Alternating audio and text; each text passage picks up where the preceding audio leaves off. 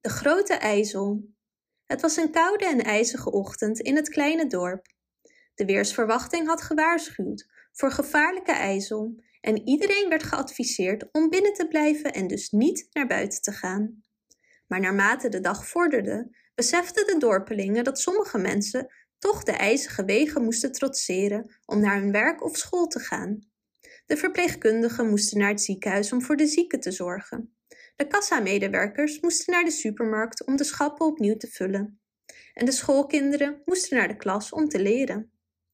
Terwijl ze allemaal probeerden hun weg te vinden door de gladde straten, was het moeilijk om hun evenwicht te bewaren. Veel mensen gleden uit en hadden moeite om weer overeind te komen. Maar toen kreeg een slimme en inventieve meid een idee. Ze verzamelde iedereen en stelde voor dat ze elkaar een hand gaven.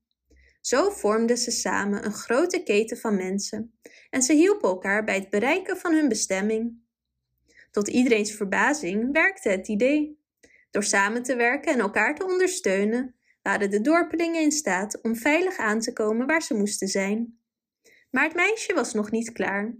Terwijl ieder ander druk bezig was met werk of school, had ze nog een idee. Ze verzamelde de leraren en vroeg of alle schoolkinderen samen konden werken. Vervolgens gingen ze naar buiten op de ijzige wegen en strooiden ze zout om het ijs te laten smelten. Dankzij hun harde werk en samenwerking werden de wegen schoongeveegd en was de grote ijzel geen bedreiging meer. De dorpelingen leerden dat ze door samen te werken en hun vaardigheden en middelen te gebruiken elk probleem konden oplossen. Bedankt voor het luisteren. Wist je dat je dit verhaal ook op onze website ririro.com/nl kunt lezen, downloaden en printen?